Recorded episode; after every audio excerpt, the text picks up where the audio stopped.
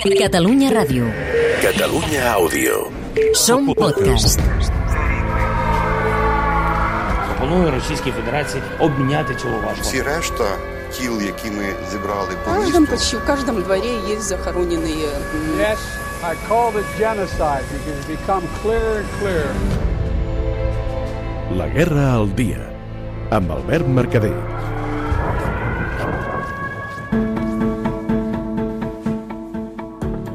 Bona nit. És dimarts 26 d'abril i avui a Ucraïna ens hem llevat així. Efectivament, el risc és molt, molt significatiu. No voldria fer-lo més gran artificialment com molts volen. El perill de la guerra nuclear és greu, real, no es pot menys tenir. Guerra nuclear, Tercera Guerra Mundial, qui de bon matí ha posat sobre la taula aquestes amenaces és ni més ni menys que Sergei Lavrov, el ministre d'Afers Estrangers del Kremlin. Són declaracions que han tingut dues respostes. Una del seu homòleg ucraïnès, de Dimitro Kuleva. Aquest directament n'ha fet mofa i ha dit que són una cortina de fum per tapar la derrota que està patint Ucraïna. L'altra, una mica més allunyada de tanta propaganda, li ha donat Antonio Guterres, el secretari general de l'ONU. Avui, de fet, ha anat fins a Moscou per reunir-se directament amb Lavrov.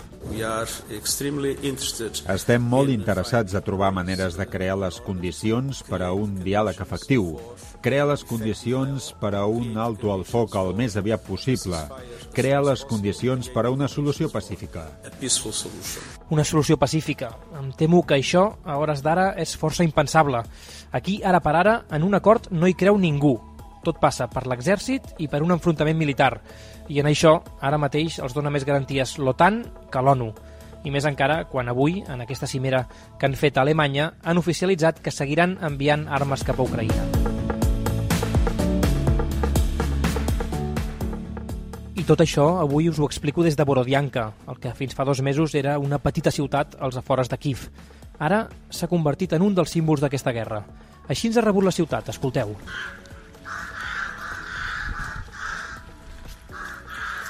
És el silenci. Això és el que queda quan s'acaben les bombes.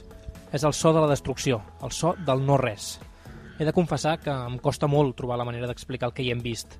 És com si de sobte topéssim amb els límits del llenguatge, com si les paraules no estiguessin pensades per descriure coses com aquesta.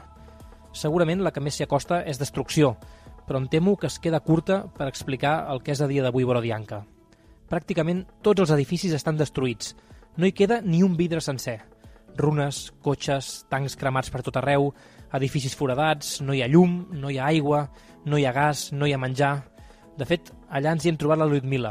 Ella ha pogut sobreviure a la massacre. Sobreviure ha sigut molt difícil. Hi havia molts soldats amb tancs disparant indiscriminadament a la gent. No teníem menjar, fins i tot vam anar fins als camps de la vora a veure si trobàvem alguna cosa.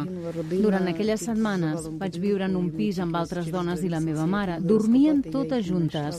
Els russos entraven a la nit només per remoure-ho tot i fer-nos sentir por. Encara és difícil de creure que ens hagi passat una cosa així. Aquí, les dades ens diuen que s'han pogut recuperar 200 cadàvers de civils. Els han pogut arreplegar d'entre els carrers, de sota les runes, enterrats directament als jardins de les cases. Això és el que ens diuen les xifres oficials. Les oficioses, però, el que ens diuen és que encara hi ha desenes de desapareguts. Entre ells, la germana de la Lyudmila i el seu fill. Avui, policies amb gossos seguien buscant entre les runes. Ha estat allí on hem topat amb el Yuri i la Natàlia, la seva dona. Havien aconseguit fugir de Borodianka abans que hi entressin els russos. Ara tornaven per veure què en quedava de casa seva. Primer, els russos l'havien ocupat. Després l'havien bombardejat. D'entre les runes només havien pogut salvar una foto dels seus nets.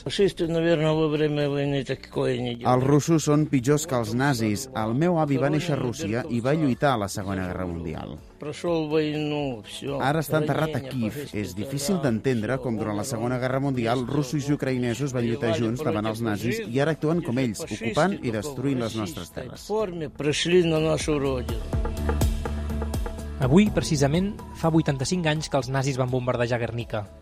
85 anys després, Guernica, en ucraïnès, es pronuncia Borodianka.